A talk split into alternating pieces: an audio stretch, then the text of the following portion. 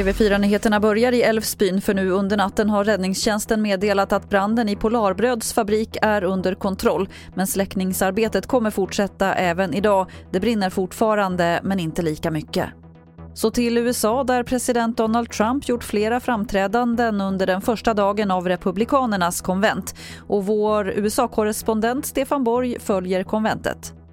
Ja, det här var ju Republikanernas partikonvent men det handlade väldigt lite om partiet och väldigt mycket om Donald Trump personligen. Det var väldigt stor utsträckning en hyllning av honom och hur han eh, har skött de första åren som president. Inte minst hur han har hanterat pandemin som han ju har varit väldigt kritiserad för. Den andra delen handlar om Joe Biden och hur, hur USA kommer att se ut om Joe Biden skulle bli president. Och vi stannar kvar i USA för i delstaten Wisconsin har nationalgardet kallats in till staden Kenosha sen protester brutit ut efter att en svart man blivit skjuten av polisen. Mannen sköts flera gånger i ryggen framför ögonen på sina tre barn. Han vårdas på sjukhus och hans tillstånd beskrivs som stabilt men det här har alltså lett till stora protester. Det var det senaste från TV4 Nyheterna. Jag heter Lotta Wall.